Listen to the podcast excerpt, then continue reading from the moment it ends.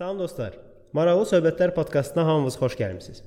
Bu gün biraz fərqli olaraq biz dedik ki, bir dənə intervyu keçək. Toxum Orqun təsisçisi ilə Toğrulla. Salam Toğrul. Salam Əhməd, salam. Deməli, bu gün biz istəyirik ki, bu Toxum Org haqqında, ümumiyyətlə crowdfunding haqqında sizə biraz məlumat verək ki, siz də bu platformadan siz faydalanasınız. Birinci Toğrul, sən özün haqqında bir qısa məlumat ver. Əhməd məni tanıyır.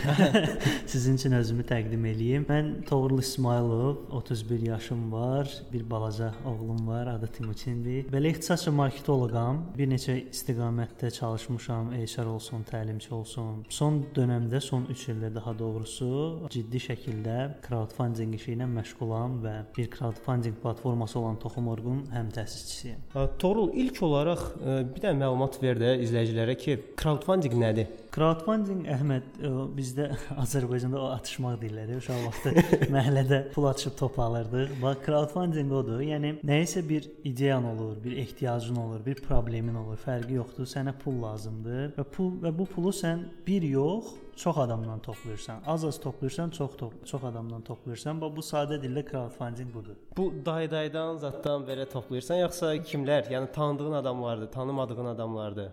Ya hər ikisidir.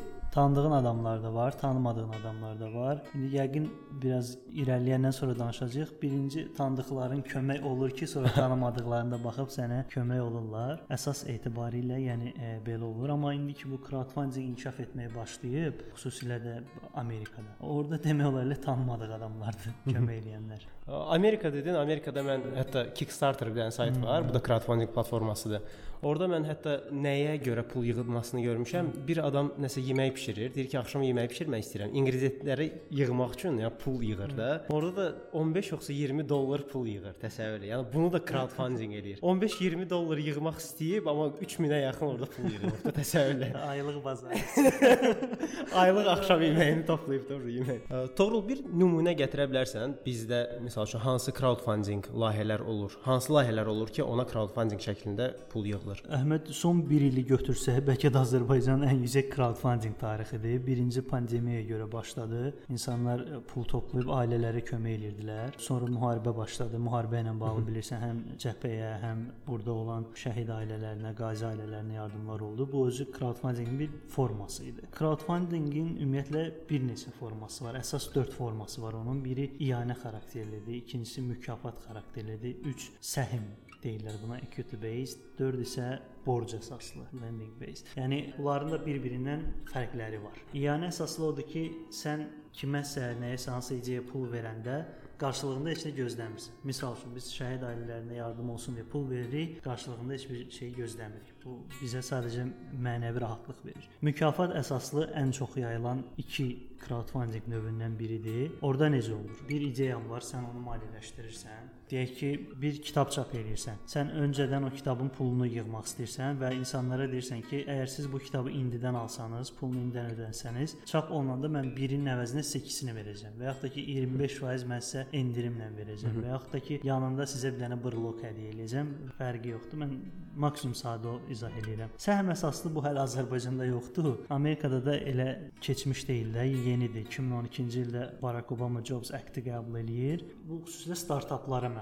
Startaplar başlayanda bir pula ehtiyacı olur, nə bilim yarım milyon, 1 milyon hər nə qədərsə. Onlar deyirlər ki, məsəl üçün bizim layihəyə 10 min dollar ödəyən bizim şirkətin 1% səhminə sahib olacaq. Yəni artıq sən pul ödəyəndə şirkətin bir parçası olursan, səhmdarı olursan. Sonra oradan dividenddən pul götürür, səhmindən pul götürür. Borc əsası da bildiyimiz klassik borcdur. Yəni bank yerinə insanlar sənə borc verir, müəyyən bir faiz bank faizi kimi və sonra sən zaman keçdikcə işlədikcə, o şirkət özünü tutduqca və ya ideya özünü tutduqca insanların borcunu qaytarırsan. Bəs misal üçün sənin ideyan deyək ki, tutmadı da, onda məsələ necə olur? Yəni sən mütləq bu borcu qaytarmalısan, yoxsa Yox, mən o qanundan tənzimlənməlidir. Elə ona görə də bir çox ölkələr bundan bağlı qanunvericilik qəbul edir. Əgər şərt odur ki, sən onu qaytarmalısan, deməli qaytarmalısan. Amma şərt odursa ki, o bu şirkət bata bilər və sən bu riski gözə alırsan və adətən də belə olur. Zaten səhim bazarı, borc bazarı belə olur da. Normalda klassik iqtisadiyyatda bu rolu angel investorlar deyilir də, mələk Aha. investorlar. Onlar məsəl üçün 10 dənə layihəyə pul qoyurdular, onlardan biri tuturdu, amma o tutan onunla qoyulan pulu da çıxardır. Bu da eyni şeydir. Yəni əgər sən hər hansı bir layihəyə pul yatırırsansa, deməli bu riski gözə almısan. Bu səhmlər deyirsən deyirlər ki, 10 min verirsən 1%-ni alırsan da, sonra 0 qazanma deyirsən ki, 1% elə 0-dır da. 1% qurbandır sənə. hə, yaxşı doğru. Bəs hal-hazırda crowdfunding Azərbaycanda okey, yəni bizdə ianə tipli crowdfunding dedik ki, yəni var da, hal-hazırda ianə indiki... və mükafat. Bəli. Hı Mükafat tipli başqa hansı layihələri bilirsən sən? Hansı nümunələri gətirə bilərsən? Mükafat tipli bizim elə platformamızda Coşqun Kərimov yəqin inanıram ki, sənin izləyicilərin tanıyır onu. 5 kitab müəllifidir. O Onqaku kitabını bizim platformada o üsulla elədi. Əv ön sifariş elirdi insanlar, əvəzində daha ucuz və daha çox kitab alırdılar. Digər kitablarını da bu arada Coşqun elə çap elətdirib və yaxud da ki, bizdə Anima Film Festivalı pul yığdı 1000 manatdan çox. O nə tək Anima Film animasiya sahəsində sahəsini Azərbaycanda tanıtmaq istəyən bir festivaldır. Rəşid bəy idi onun burada nümayəndəsi. Onlar nə təklif edirdi? Siz müəyyən paketlər var idi. Məsələn 1 manat ödəyirdin. Onlar sənin adını o anima filmin festivalın sonunda çıxacaq o cədvəlində adını yazırdılar çap olaraq. E, rəqəmlər artdıkca, deyək ki 10 manat ödədin sənə çaşka hədiyyə edirdilər. 50 manat ödəsən, onlarda qəşəng bir animasiya, Azərbaycan animasiya tarixinə aid kitab var. Ondan verirdilər. Paketləri var idi, məsələn 500 manat. Səni artıq festivala rəsmi sponsor kimi götürürdülər. Yəni verdiyin pulun qarşılığında nəsə alırsan. Toğrul, Toxum.org platformasından biraz danış. Bu nə platformadır? Yəni bilirəm ki, crowdfunding platformasıdır, amma yəni proses necə gedir orada? Toxum əslində yaranmağı maraqlı oldu. Biz iki tə həmtəsisçi ikimizin də adı Toğruldur. Mən İsmailov o Vəliyev. Biz fikirləşirdik ki, neyniyək? Biz gördük ki, Azərbaycanda layihələrin, xüsusilə sosial və sosial sahibkarlıq layihələrinin maliyyələşməsində problem var da. Çünki fondlar azdır, onları dəstəkləyən insanlar azdır. Startaplarda isə heç olmasa biraz investorlar, dövlət dəstəyi falan olur. Biz dedik ki, biz onda məhz sosial və sosial sahibkarlıq layihələri üçün bir crowdfunding platforması yaradaq. Yəni insanlar artıq özləri öyrənsin ki, bir sosial məsələ varsa, biz özümüz pul yığıb bunu həll edə bilərik də. Hansısa bir insan təşəbbüskar olur, biz də onu bu şəkildə dəstəkləyirik. 2017-ci ildə biz oturduq, fikirləşdik, 2 gün bir bağ evinə çəkilmişdik və qərar aldıq ki, belə bir platforma yaradırıq. 3 ilə yaxındır, hətta 3 ildən bir qədər artıqdır. Biz fəaliyyət göstəririk. Bir neçə uğurlu layihələrimiz var. Ümid edirik ki, bundan sonra da sayı çoxalacaq. Toğrul, sosial layihə nədir ümumiyyətlə? Mən əminəm ki, çox insan belə təxmini bilsə də, amma dəqiq bilmir ki, bu nədir də. Məncə onu bilmək lazımdır ki, bu platformaya girib crowdfunding edə bilərlər yoxsa yox. Deməli, bizdə bəzən soruşurlar ki, məsəl üçün filan kəs xəstədir, onun üçün ə, pul yığa bilərik. Biz deyirik ki, yəni Allah şəfa versin. Yəni biz özümüz də ona yardımçı olarıq. Amma xeyriyyəçilik layihələrini qəbul etmirik. İnsanlar adətən xeyriyyəçiliklə sosial layihələri e, qarışıq salırlar da. Yəni xeyriyyəçilik bir dəfə sən hansısa bir məsələdə təhsil problemindəsə yardım elədin, bitdi, qurtardı. Sosial Sosial layihə özü adı üzərində də bir layihədir. Yəni bir unikaldır. Əvvəli var, sonu var, içərisində bir proses var və ən ümdə məqsədi hər hansı bir sosial problemi həll eləyir. Ona həll yolu təklif eləyir. Bir də var sosial sahibkarlıq layihələri. Bu sosial sahibkarlıq sosial layihədir, amma biznes modelindən istifadə edir. Yəni özü problemləri həll etmək üçün pul qazanır. Pul qazanır və eyni zamanda problemi həll eləyir. Donorlardan asılı qalmır da ömrü boyu. Ya sənin bir sosial layihən var, bir dəfə bir donor sənə 5000 verdi. O 5000 qutardı, vəsə layihə dayandı. Amma sən sosial sahibkarlıq modelində işləyəndə sənin özünün də bir pul gəlir yerin olur ki, o prosesi davamlı apara bilirsən. Yaxşı, belə bir sosial sahibkarlıq nümunəsi deyə bilərsən ki, bax burada bax iş belə gedir və bu sosial sahibkarlıq. Dünyada çoxdur, amma mən Azərbaycandan verəcəm iki nümunələri. Qulaq asan dostlar da bilsinlər ki, Azərbaycanda da belə nümunələr var. Bu misal üçün Sarı Rəcəbli Buta Arts and Sweets yaradıb. Bildiyiniz Azza kimi bir şirniyyat şirkətidir. Sara bu şirniyyat şirkətini yaratmaqla hansı problemə çözüm gətirib? Birincisi qadınların işsizlik probleminə çözüm gətirib. O şirkətdə o şirniyyatları bişirən qadınlar, evdar qadınlardır və yaxud da ki, çölə çıxmağa imkanı olmayan müəyyən məhdudiyyətləri olan qadınlardır və o o, o qadınlar o şirniyyatları bişirir bişirir, normal şirkətlərə satırlar, gəlir əldə olunur və onların işsizlik problemi həll olunur. Eyni zamanda da əldə olunan gəlir qadınların müəyyən cəmiyyətdə aktivliyi üçün müəyyən layihələrə xərclənir. Bu sosial sahibkarlıq layihəsidir. Və yaxud da ki, Azərbaycanda UAFA belə çox modelləri var. Adı yadımdan çıxdı. Bir Amerikalı xanımdır. O nə edib? Çoxdan da Azərbaycanda olub, yaşayıb. Qusarda görüb ki, o Qusarlı xanımlar yaxşı corab toxuyurlar. Amma heç nə də elə belə corab toxuyurlar. Və o bir sayt açıb corabları indi xaricə satır və qusarlı xanımlarda bundan işsizlik problemləri həll olunur, müəyyən gəlir əldə edirlər. Belə nümunələr var. Bəs misal üçün belə bir şey eləmək olar. Mən hansısa biznes açıram da, biznes açıram və özümə deyirəm ki, mən bu biznesdən gələn ə, e, gəlirin 20%-ni sadəcə hansısa sosial layihələrə verəcəm. Hı -hı. Yəni bu belə bir biznes sosial sahibkarlıq adlana bilər. Burada Əhməd elə bir ə, e, xırda fərq var korporativ sosial məsuliyyətlə sosial sahibkarlıq arasında. İndi sən 20% dedin. Əslində hələ bu sahəyə yeni olduğu üçün bu sahənin akademikləri də dəqiq rəqəm verə bilmirlər. Amma minimum belədir. Əgər sən bir şirkətin minimum 10% gəlirini hər hansı bir sosial istiqamətə xərcləyirsənsə, sən artıq sosial sahibkarlıq modeli sayıla bilərsən. Amma əgər sənin vizyonun da odursa, məsəl üçün deyək ki, hər hansı bir şirkət Red Bull idman sahəsində olan şəxslərə, təşkilatlara yardımlar edir, reklam verir. Bu onun korporativ sosial məsuliyyətidir. Özünü elə positioning, branding eləmək istəyir. Amma onun əsas məqsədi nədir? Enerji içkisi satıb pul qazanmaq. Amma sosial sahibkarlıqda olan əsas missiya probleməli. Məsəl üçün bayaq verdiyim nümunədə Buta Sweet Arts and Sweet-də əsas məqsəd pul qazanmaq deyil. Əsas məqsəd qadınların işsizlik problemini həll etməkdir onları cəmiyyətə inteqrasiya etməkdir. Pulu onun üçün qazanır. Gəlir əldə etmək üçün yox. Amma təbii ki, hər bir sosial sahibkarlıq modelinin uğurlu biznes formatı olmalıdır. Yaxşı Torul, və məsəl üçün deyək ki, kiminsə sosial sahibkarlıq bir fikri var, hansı sosial layihəsi var və onun üçün pul yığmaq istəyir. Prosesə necə başlamalıdır? Nələrə fikir verməlidir? Necə pul yığmalıdır? Nə məsləhətlər verə bilərsən? Məhz crowdfunding üsulu ilə bəli, bəli. gedir də.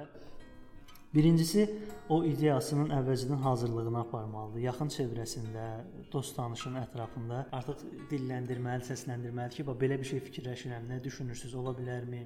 Çünki layihə başlamamışdan qabaq feedback çox əhəmiylidir də. Yəni alırsan ki, buna tələb var, yoxsa yox. Yəni adətən insanlar deyir ki, falan yerdə problem var. Əslində o problem deyil. O adamlardan soruşmur ki, problem var, siz problemmi bu sizin üçün yoxsa Bu adamın şəxsi problemidir. Yəni, elə bilir ki, o problemdir. Yəni amma sonra o işi başlayanda görür ki, yəni insanların marağında deyil bu. Ona görə birinci öyrənmək lazım ki, onların marağındadır yoxsa yox. Əgər marağındadırsa, artıq öz komandasını qurmalıdır. Tək başına biraz çətin olur. Tək başına da uğurlu кейslər var, amma komanda daha kömək olur. Çünki həm böyük auditoriyaya çıxmağa ki, biri var 1 nəfərin auditoriyası, biri var 5 nəfərin auditoriyası. Komandasını qurmalıdır. Komandasını qurandan sonra layihəsini crowdfunding üsulu ilə crowdfunding marketinq strategiyalarına uyğun təşkil etməlidir. Yəni bu hər hansı bir donordan, sponsordan pul almağa bənzəmir. Siz burada insanları inandırmalısınız, onlara toxunmalısınız, daimi öz fikrinizi onlara çatdırmalısınız. Yəni pul istəməkdən utanmamalısınız. O pulu istəyə bilməlisiniz çünki siz hər hansı bir iş üçün, bir problemi həll etmək üçün pul istəyirsiniz. Proses irəlilədikcə bütün yeniliklərlə auditoriyasının dəstəkçilərini məlumatlandırmalıdır. Bu qədər pul yığdıq, bunu bunu həll edə bilərik, bu qədər hələ ehtiyac var, işimiz hansı mərhələdədir falan.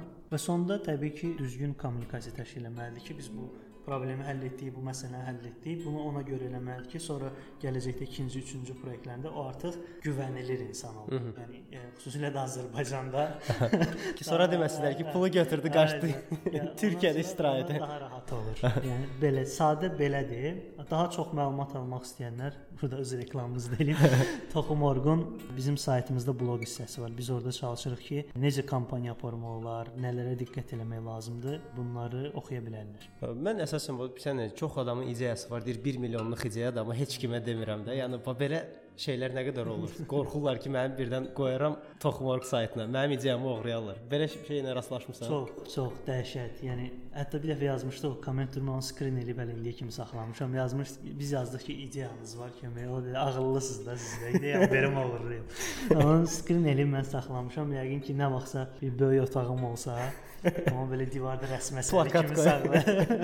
yəni belə ideya qurmaq belədir dostlar. Yəni siz əmin olun ki, o ideyanı bilən siz fikirləşməmisiniz. Dünyada amma fikirləşən çoxdur. İdeyadakı fikirləşənin yox, onu eləyənindir də, yəni həyata keçirdənindir. Və ideya təkcə o sözdən, fikirdən ibarət deyil. O layihənin quruluşu var, dediyim kimi komanda var, onu həyata keçirmək bacarıqları var. Yəni elə kimsə nəyisə eşitdi, onu onda elə hamımız milyoner olardıq da. Biz də biz niyə yeb elektrik mobil istehsal eləmirik Elon Musk? İdeya var da, milyonluqdur da. Ki ged elə də eləyə bilmirik də. Bizim o kapasitemiz yoxdur indiki şəraitdə. Ona görə bu ideya uğurlamağından qorxmaq lazımdır. Əgər kimsə ki fikirləşir bu həqiqətən texniki məsələdir, deyək nəsə o Kickstarter-da falan görsənə, xüsusi balaca hardverlər düzəldirlər, nəsə bir təzə softverdir. Onun patentini almaq lazımdır ki, sonra gələcəkdə kimsə oğurlamasın o, o şeyi sizdən. Amma belə qalanda ki, sosial layihədirsə, mən həmişə deyirəm ki, əgər bu bir sosial layihəsi qoy oğurlasınlar.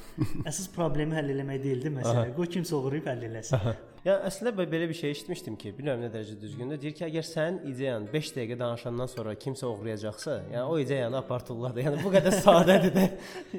yəni sən demiş ki, ideyanın arxasında bir proses durur da. Onun üstündə yəni əmək qoymalısan ki, o yəni ərsəyə gəl gəlsin. Düzdür?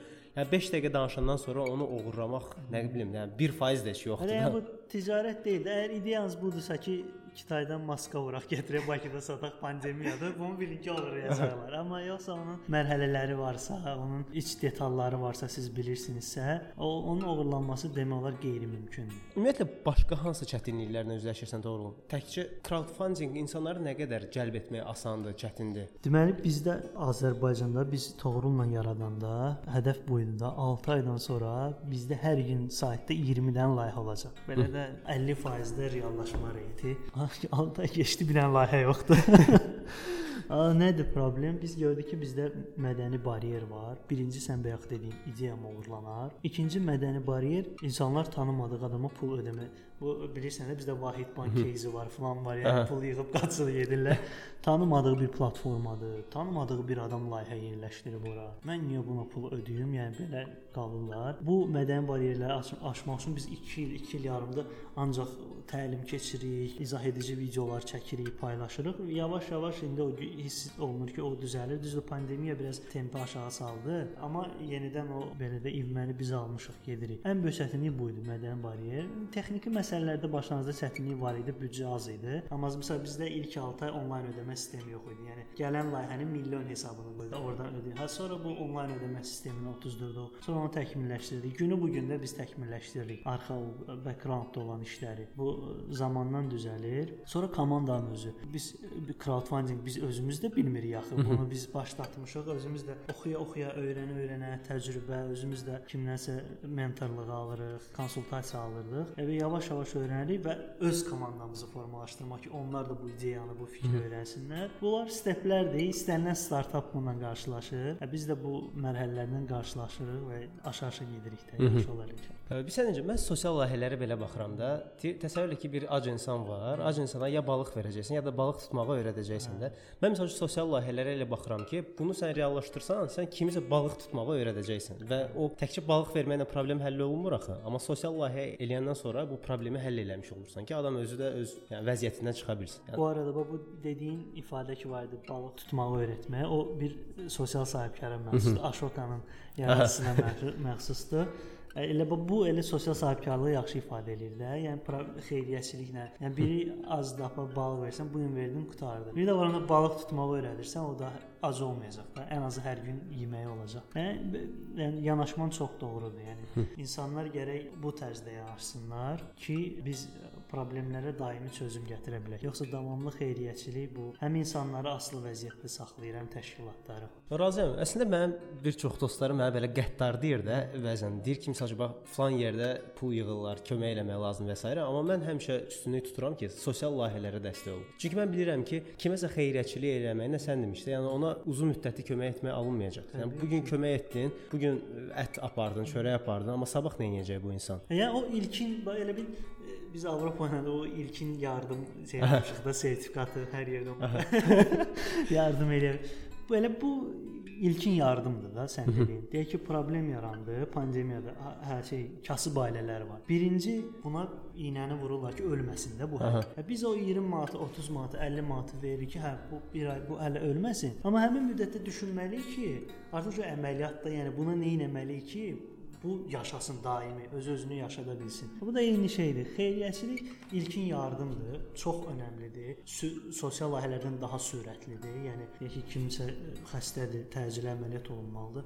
Kampaniya falan o uzun məsələdə tez pul açıb onu müalicə elətdirirsən. Deyək ki, autizmli biz, mən bir şey, cəmiyyətə mentorluq eləyirdim. Autizmli uşaqlarla işləyirdilər də. Sən müəyyən bir dənə yardım edə bilərsən, amma autizmlə bağlı onların valideynlərini təlimləndirsən, kitablar çıxartsan və ya da bir mühit qursan, bu artıq o uşaqları cəmiyyətə inteqrasiya edə biləcək. Hı -hı. Amma bir dəfə getsin kömək eləsən, nəsə uşaqla xoş vaxt keçirsən, bu bir dəfə oldu, qutardı olur da. Yəni Hı -hı. uşağa mühit verilir. Hə, yəni insanlar məncə başa düşməlidir ki, yəni bir dəfə kömək etməklə problem həll olunmur. Hə. Sən bir dəfə getdin, lap 2 dəfə getdin, amma 3-cü dəfə getməyəcəksən axı. Yəni ya, pisləmirik də. Yəni Ay, əlbəttə o ilk yardımdır, yaşaması üçün vacibdir. Yəni həyatında, amma sonra isə problemə həll yolu gətirilməlidir. Torul, bəs bir dənə sual var. Bunu şirkətlər istifadə edə bilər, yəni crowdfundingi? Yaxşı, əhməd eləyə bilərlər. Hətta nümunələri də var. Adətən fikirləşirlər ki, crowdfundingi startaplar pulu olmayan təşkilatlar, ideyalar eləyir, amma şirkətlər də eləyir. Nəyə görə? Çünki crowdfunding yeni bir fenomendir və onu hələ yeni-yeni öyrənirlər. Crowdfunding artıq təkcə fundraising aləti olmaqdan çıxıb bir marketinq alətidir. Nəyə görə? Və mən sizə indi izah edəcəm, tam aydın olacaq. Peki siz bir crowdfunding kampaniyası başlayırsınız. Bunun birinci üstünlüyü nədir? Siz öz məhsulunuzu və ya da xidmətinizi validate edirlər, doğruladırsınız. Çünki insanlar ona baxır, sizə feedbacklər verirlər ki, bunun burasını belə düzəldin, belə olsa yaxşı olar, belə düzəltsəz daha gözəl olar. İkincisi sizin brendinqinizi formalaşdırır. Siz deyək ki, yeni bir məhsul buraxırsınız şirkətin və ya da xidmət, artıq gələcəkdə o xidmətin adı gələndə siz o sahədə brendinq hesab olunursunuz da. Deyək ki, Pebbles Pebbles Pebbles Watch var da, Kickstarter-da pul yığdı.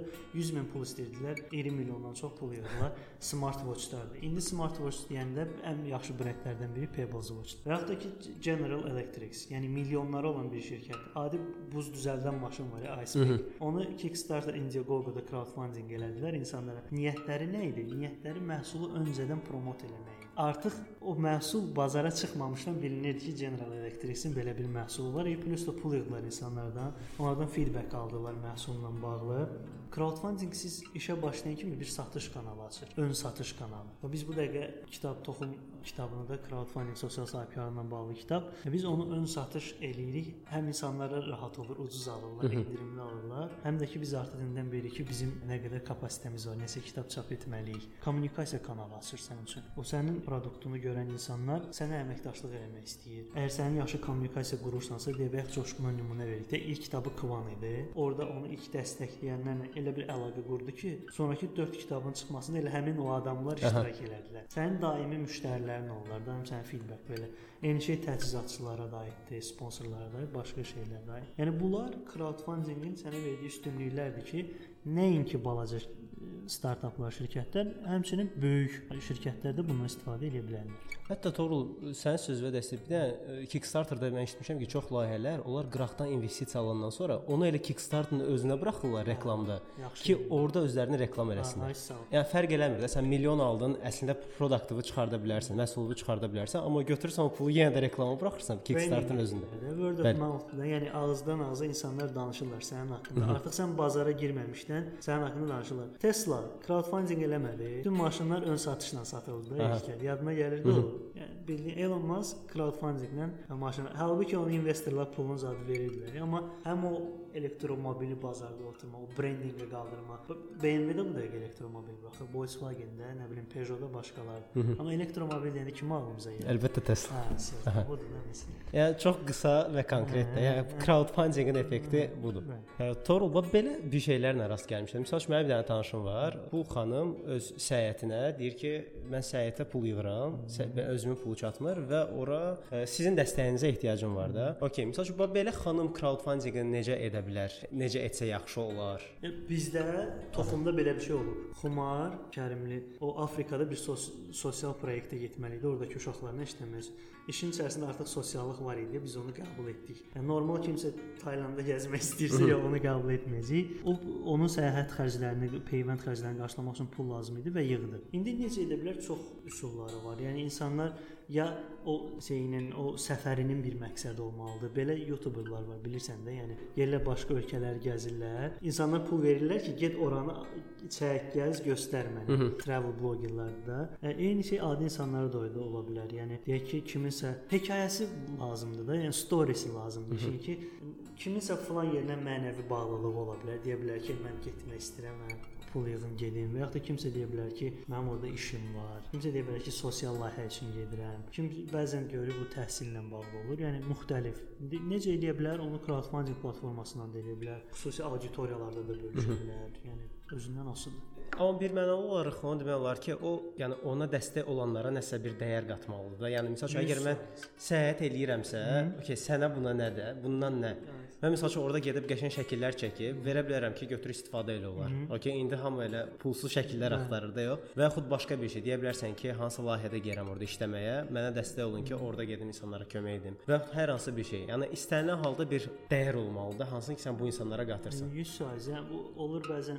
Yəni bizdə fotoqraflar var idi. Adları deyəsən Cahangir Yusif idi və yaxud da başqası idi. Onlar səhv eləmirəmsə bu Suriya müharibədən sonra getmək üçün bax elə pul yığdılar, getdilər də. İnsanlar da onu görmək istədilər də müharibədən sonra dağıntılı vəziyyət, şəkillər çəkmək.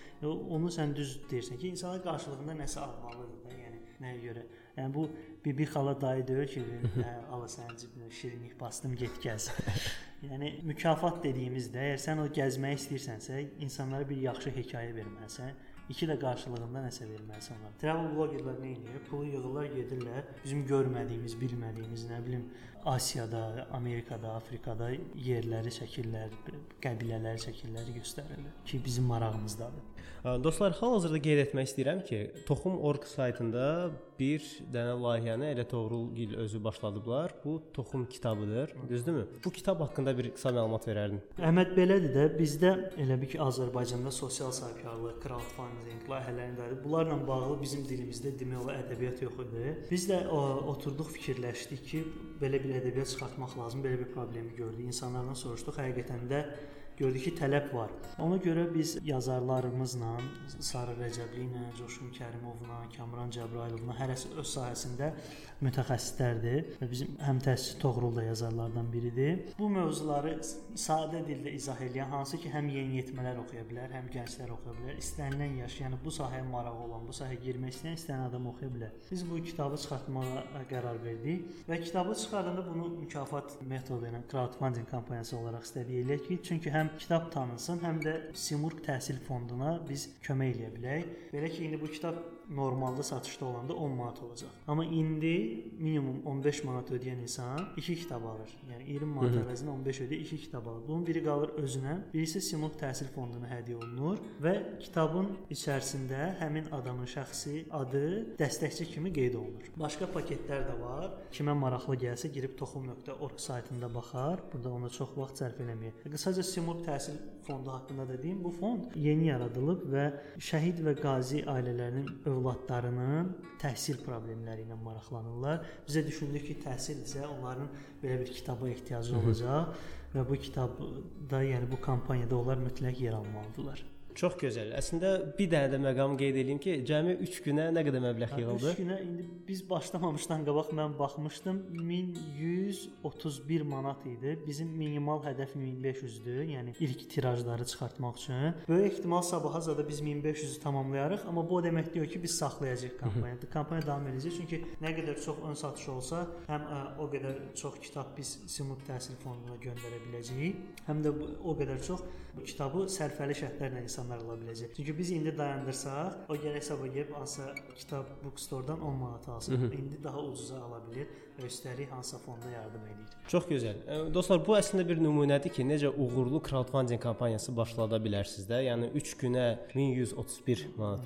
Düzdürmü? Ya bu qədər məbləğ toplamaq özü böyük bir nailiyyətdir mən düşünürəm. Yəni siz də bu eyni strategiyalara baxıb və yaxud öz strategiyanızı düzgün reallaşdırsanız, bu hətta bundan daha çox məbləğlər biz sonda fikirləşirik ki, bu kampaniyanın sonunda ə, kiçik bir YouTube videosu hazırlayaq ki, kampaniya sıfırdan necə başlayır, yəni A-dan Z-ə.